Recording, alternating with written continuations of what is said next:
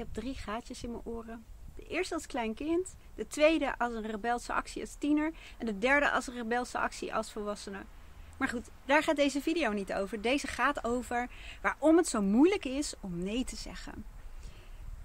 En ik kan daar denk ik wel een uur over doorgaan, maar ik probeer het even simpel te maken. Ten eerste is het moeilijk om nee te zeggen. Als je, ik zie mijn eigen hand in de video, dat ziet er een beetje gek uit. Maar als je niet goed helder hebt en doorvoelt als het ware wat jouw ja's zijn. Dus wat echt belangrijk en essentieel is voor jou. Ze zeggen ook wel, als je nergens voor staat, dan val je overal voor. En dat lijkt simpel, zo van ja, maar ik weet al wat belangrijk is. En we zeggen het namelijk ook heel vaak, hè? We zeggen het ook heel vaak. Ik weet nog wel dat ik ehm, vroeger in loondienst zei dat mijn gezin, hè, mijn uh, partner, mijn dochter, maar ook mijn familie het allerbelangrijkste was. Toen maakte ik trouwens nog de vergissing door te zeggen dat het allerbelangrijkste was. Want ik heb geleerd dat mijn gezondheid het allerbelangrijkste is. En ja, ik weet het klinkt super cliché, ik weet het, maar toch heb ik dat geleerd doordat het op een gegeven moment urgent werd. En ik snapte dat zelfzorg echt op nummer 1 staat. Maar dat bedoel ik niet, want dat wilde ik helemaal niet zeggen. Mm, dat geluidje moet je er even bij nemen, ben ik bang. Um, maar in elk geval, um, ik zei dat, dat um, mijn partner, mijn gezin, mijn familie het allerbelangrijkste waren. Maar mijn gedrag liet wat anders zien. Dat wil zeggen dat ik bijna altijd beschikbaar was voor werk. En dat ik ook altijd deed en veel overwerkte, bereikbaar was, in het weekend uh, bereikbaar, s'avonds. En dat ging ten koste van, je raadt hem al, van mijn partner en mijn gezin. Dus ook al wist ik te benoemen wat belangrijk was en wie belangrijk uh, zijn, maar toch handelde ik daar niet naar. En hoe komt dat? Dat is eigenlijk een beetje de tweede. Die zo kan je blijven zien, hè? Dat is nog een beetje aan het helen. Maar de tweede reden is je eigen innerlijke dialoog. Want ook al zeg ik, ikzelf en mijn partner en mijn familie en mijn gezin, die zijn het belangrijkste. En dat is natuurlijk niet zo van dat is het belangrijkste, dus dat gaat altijd voor. Zo werkt het natuurlijk ook niet. Hè? Het gaat ook om de balans, om het zo te zeggen. Um, maar als een innerlijke pleaser bijvoorbeeld aan het stuur zit, of een verantwoordelijke kant, of een pusher die bij mij echt heel erg aan het stuur zat, maar ook die verantwoordelijke kant. Um, ja, dan neem je geen bewuste keuzes. Want dan zit jij als bewustzijn als het ware niet aan het stuur. Maar dat deel wat regeert. En dat maakt het zo ingewikkeld. Dat maakt het dat het rationeel weet je wel wat je moet doen. Rationeel lijkt het helemaal niet zo ingewikkeld. En weet je donders goed dat um, nee zeggen echt niet het einde van de wereld betekent. Of voor jezelf opkomen of aangeven wat je echt wil. Of niet naar die verjaardag gaan omdat je er gewoon echt geen ene ruk zin in hebt, om het even zo te zeggen. Hè, of niet weer beschikbaar zijn voor werk. Nou, ik kan zo doorgaan, maar je snapt wel wat ik bedoel.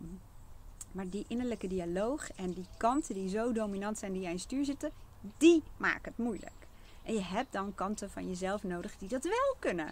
Zoals bijvoorbeeld een gezonde egoïst. Dat is namelijk ook de kant van jou die jou helpt ervoor te zorgen dat jouw behoeften en belangen als het ware uh, worden gediend. En dan nummer drie, die is eigenlijk het meest eenvoudig. Die gaat namelijk over communicatievaardigheden. Die gaat simpelweg over het hebben van zinnetjes, scriptjes, zo noem ik het uh, meestal, die jou helpen om op een manier nee te zeggen die voor jou comfortabel is. En nee zeggen gaat eigenlijk nooit over nee zeggen. Uh, heel vaak gebruik je het woord nee helemaal niet.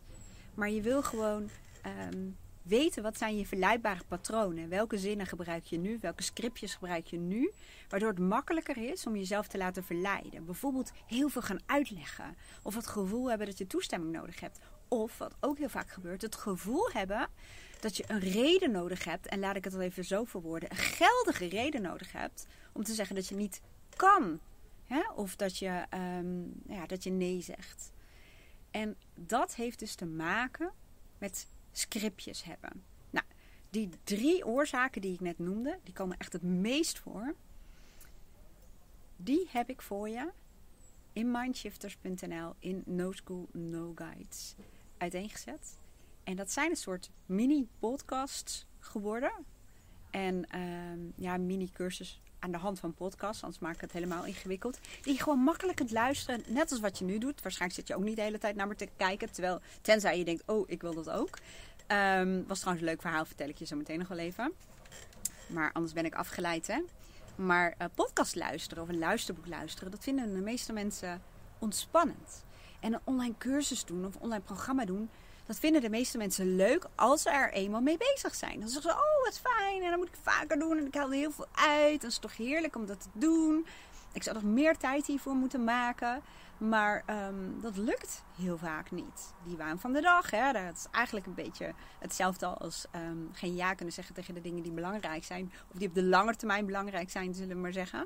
En de korte termijn behoeften die op dat moment veel dwingender zijn.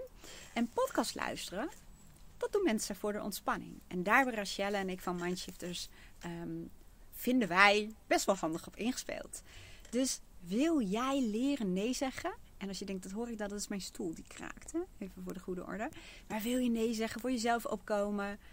Um, ja, weten ook, hè, want ze zeggen altijd grenzen aangeven, maar dan moet je wel weten wat die grenzen zijn. Anders wordt het gewoon een beetje ingewikkeld. Nou, dat heb ik voor je opgenomen met een download. Met die scriptjes en zinnetjes. Die je gewoon kunt printen of op je telefoon kunt hebben. En die kun je gewoon gebruiken. En dan kun je mee gaan oefenen en spelen om steeds meer voor jezelf op te komen. En dan wil ik nog even afsluiten met twee dingen. Want ik vertelde je dat er een leuk verhaal zit aan het derde um, oorbelletje. Um, nou ben ik weer afgeleid, want daar wou ik nog wat over zeggen. Maar uh, laat ik even proberen structuur aan te houden. Um, nee zeggen gaat niet per definitie over nee zeggen. En daarmee bedoel ik, het is ook heel vaak uh, zo dat je geen keiharde nee wil zeggen, maar dat je eigenlijk bepaalde voorwaarden hebt. Dat die dag je niet uitkomt of um, dat je het op een andere manier zou willen doen. En dat maakt ook een belangrijk onderdeel uit. Ik moet je heel veel pauze zetten, anders hoor je. Of nee, wacht even. Wacht even hoor. Luca komt aanrijden. Dus uh, ik vertel nog even kort het leuke verhaal. Um, wij hebben afgelopen zaterdag en wij is Lisa is mijn dochter en Nila is mijn nichtje en mijn vader en zijn vrouw en mijn zusje zijn wij naar de juwelier gegaan. Hebben we met z'n allen behalve mijn vader hè? en Lisa, want die had niet echt heel veel plek meer. Maar hebben we dus um, gaatjes gezet en het was echt hilarisch. Hey, ik ben nog even een uh, podcast aan het opnemen, of video eigenlijk. Um, nou, dat was het eigenlijk. Ik ga afronden. En als je meer wil weten over de guide, zo noemen we het, dan klinkt het ook niet zo cursusachtig. De link staat hieronder of erboven of rechts. Ik weet niet op welk kanaal je dit bekijkt. En anders schrijven naar mindshifters.nl. No school, just guides.